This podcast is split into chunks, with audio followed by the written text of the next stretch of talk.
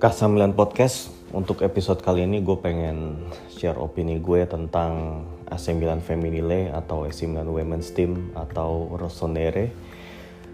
Ya sebelumnya mohon maaf juga kalau pengetahuan gue terhadap dunia sepak bola wanita itu masih sangat-sangat cetek, dangkal, nggak banyak tahu gitu ya. Um, ini pun gue juga memulai um, belajar tahu tentang sepak bola wanita itu ya lewat mengamati Rossonere aja gitu tim bola Milan gitu. Nanti ya lama-lama mungkin akan mengamati tim-tim lain juga gitu karena gue juga nggak mau membatasi diri lah istilahnya gitu.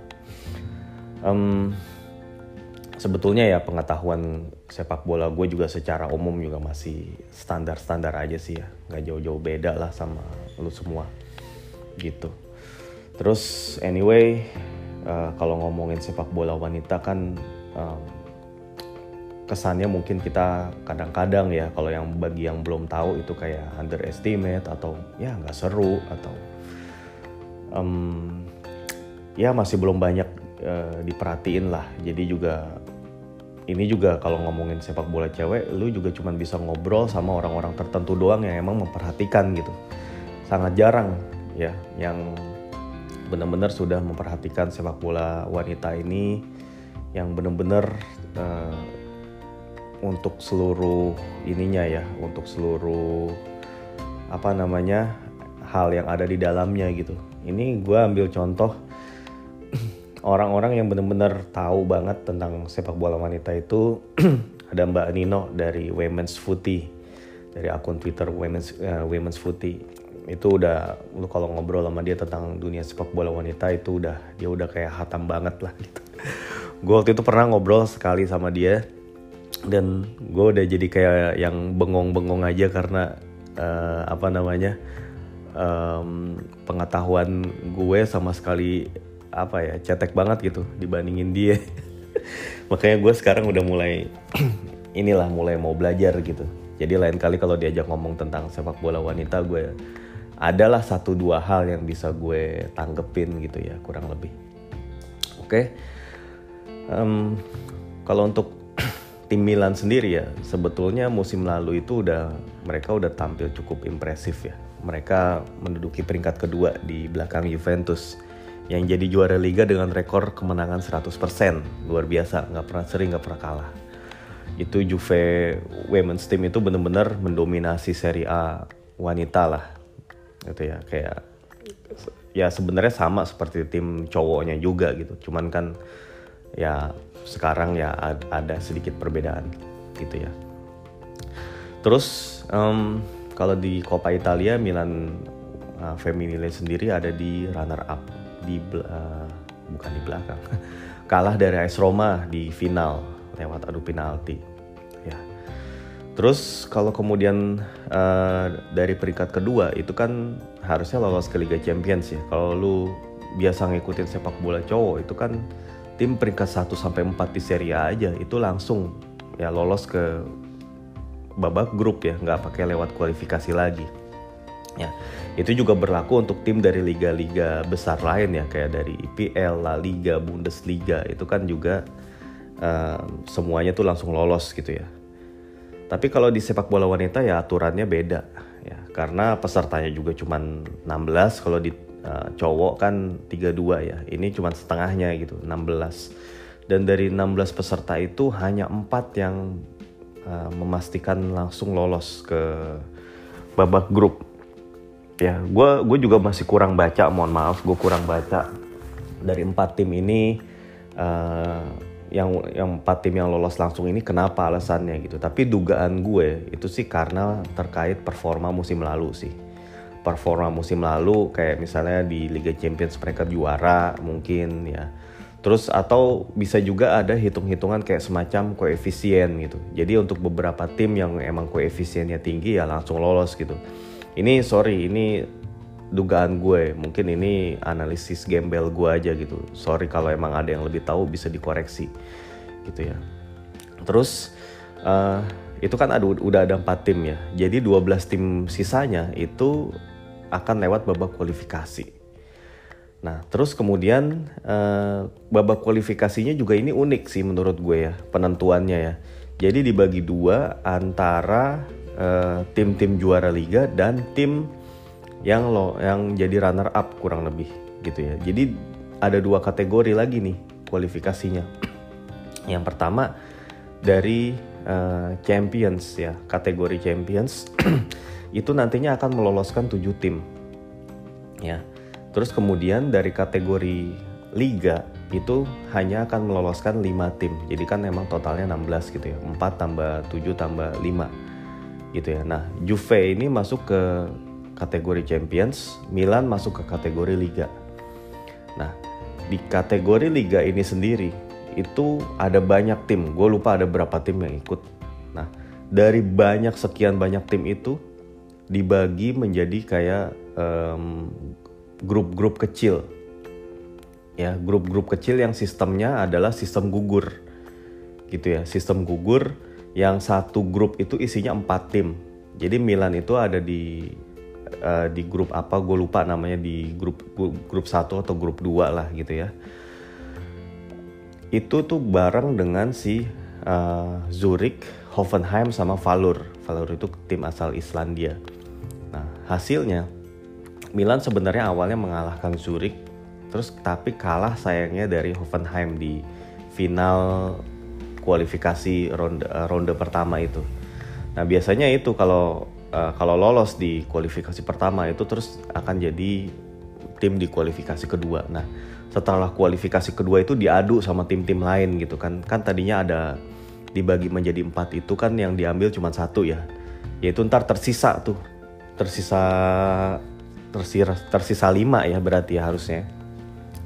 Tersisa lima pertandingan lagi. Nah yang menang di lima pertandingan itu itulah yang lolos ke babak grup. Itu setahu gue kayak gitu ya gitu. Pokoknya sistemnya emang rada unik lah. Lalu kemudian berbicara squad ya. Kalau berbicara squad uh, sebetulnya tid uh, tidak terlalu banyak perubahan yang maksudnya sistemnya apa sistemnya lagi sifatnya major gitu. Jadi beberapa pemain yang jadi andalan musim lalu kayak si uh, Vale Giacinti, kapten, ya, terus uh, Vero Boquete, Revilo Jane, terus Laura Agar itu masih ada, ya. Tapi emang ada beberapa perubahan di starter juga ya. Pertama itu udah nggak ada lagi Natasha Dawe, dia itu udah pindah ke Reading. Natasha Khalila Dawi nama lengkapnya itu dia lahir di Uni Emirat Arab ya tapi dia berkebangsaan Inggris dia sempat memperkuat Milan dan jadi teman duetnya si Giacinti menurut gue si Natasha Dow itu pemain bagus. Gue nggak ngerti kenapa dia dilepas gitu ya. Gue dan gue juga masih nggak terlalu paham ya dengan sistem transfer atau kontraknya itu dari sepak bola wanita. Setahu gue sih emang belum profesional gitu ya. Jadi imbasnya dari kontrak belum profesional itu adalah durasi kontraknya itu nggak nggak panjang-panjang setahu gue jadi pemain itu hanya dikontrak setahu gue maksimal ya dua tahun gitu ya. Nggak ada yang 3-4 tahun kayak gitu. Jadi emang pemain itu bisa kayak pindah-pindah tiap akhir musim gitu. Ini juga terjadi ke Natasha Dawe ya. Um, terus kemudian um, udah nggak ada lagi juga Yui Hasegawa. Jadi musim lalu itu kan Hasegawa jadi andalan banget tuh di lini tengah. Dia juga jago ngambil set piece juga beberapa kali nyetak gol lewat tendangan bebas gitu ya tapi sayangnya dia udah pindah ke West Ham dan posisinya digantikan oleh Greta Adami dari Fiorentina. Lalu kemudian posisinya si Natasha Dawi itu digantikan oleh Lindsay Thomas dari AS Roma penyerang asal Prancis gitu. Terus um, Francesca Vitale di belakang juga udah pindah ke Fiorentina dan posisinya digantikan oleh Laia Codina. Itu yang dipinjam dari Barcelona. Terus um, untuk penjaga gawang ini juga ya cukup menarik ya. Tadinya kan kiper utama Maria Korenciova ya, kiper asal Slovakia. Tapi sekarang kiper utama Milan itu adalah Laura Giuliani. Itu kiper timnas Italia yang Sebetulnya empat musim terakhir itu memperkuat Juventus, tapi dia memutuskan musim ini pindah ke Milan. Setelah gue cek sedikit backgroundnya, ternyata Laura Julian ini adalah pemain kelahiran Milan. Jadi menurut gue wajar aja kalau uh, at certain point of her career menurut gue dia ingin memperkuat tim asal kota kelahirannya. Gitu sih menurut gue ya. Terus kalau untuk um, pemain-pemain lain di squad ya itu musim ini juga udah nggak ada lagi Julia Simic. Itu Julia Simic itu pemain asal Kroasia. Uh, dia memutuskan untuk retire ya usianya kalau nggak salah masih 33 atau 34 tapi dia udah retired. Posisinya itu di dia kan pemain back ya. Posisinya itu digantikan oleh Gutni Arnadotir Gutni Arnadotir ini pemain asal Islandia. Kalau lu dengar dari namanya itu kan Arnadotir Dotir itu kan daughter. Daughter ya. Putri. Ya kalau putra kalau cowok itu kan belakangnya namanya son. Ya belakang kalau di Islandia ya dibacanya son Gil Gilvi Sigurdsson terus uh, Eidur Good Johnson itu kan uh, kalau pemain-pemain Island Islandia kalau nggak son kalau cowoknya itu belakangnya namanya son kalau ce ceweknya itu dotir. Ya. Terus kemudian um, untuk lini tengah ya itu Christy Grimshaw masih ada itu pemain asal Skotlandia. Terus si siapa lagi ya uh, untuk wingback ya untuk posisi wingback itu udah ada pemain baru. Sarah Trigger Sarah Trigger Anderson asal Denmark. Terus untuk penyerang ada Miriam Longo juga uh, sebagai cadangan. Um, terus siapa lagi ya? Um, yang untuk gelandang nih itu ada Merle Kirkstein. Itu kayaknya pemain yang um, apa ya menurut gue sih paling cantik ya di squad saat ini gitu ya Merle itu. Itu asal Jerman gitu ya pemain asal Jerman. Dia itu tapi jadi pelapis untuk posisi gelandang setahu gue. Gitu ya. Um, oke. Okay. um, kalau untuk squad gue rasa itu aja. Terus kalau untuk formasi seperti biasa Maurizio Gans itu mainin 3 back. Jadi sekarang itu 3 backnya itu diisi Laia Kodina sebagai back tengah kanan, Laura Agard sebagai back tengah, dan Laura Fusetti back tengah kiri. Jadi unik juga nih uh, di tim Milan sekarang ini ada tiga Laura, Laura Giuliani, Laura Agard, dan Laura Fusetti. Sama satu lagi Laia, kan? Ya mirip-mirip juga pelafalannya gitu.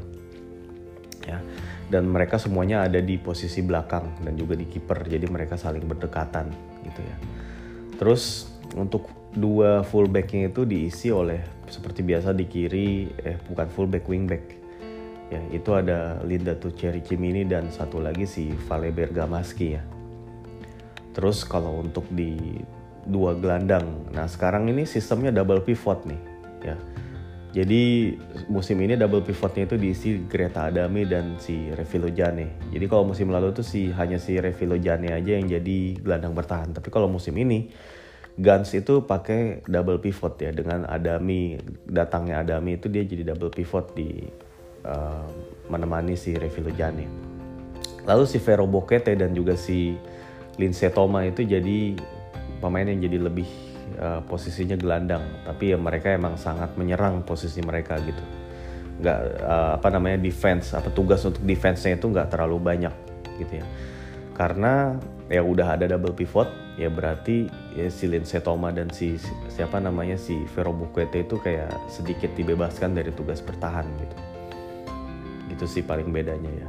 Dengan adanya double pivot ini menurut gue juga tim jadi lebih balance sih menurut gue. Karena kan mereka relatif lebih banyak stay gitu di wilayah tengah gitu ya. Dan juga menjadi pemutus serangan juga gitu bagi lawan.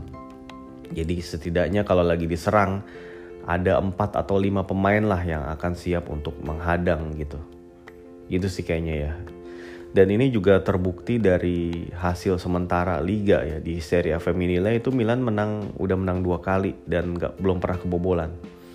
Jadi pertama menang lawan Elas Verona uh, eh, 4-0 ya. Waktu itu yang golin si Vale Giacinti 2 gol terus si Vale Bergamaschi kalau nggak salah nyetak satu gol dan satu lagi si uh, Vero Boquete itu nyetak satu gol. Ya. Terus di pertandingan semalam ya, semalam itu sebenar, sebetulnya ada pertandingan lanjutan Serie A. Jadi Milan ketemu Sampdoria dan Milan kembali menang.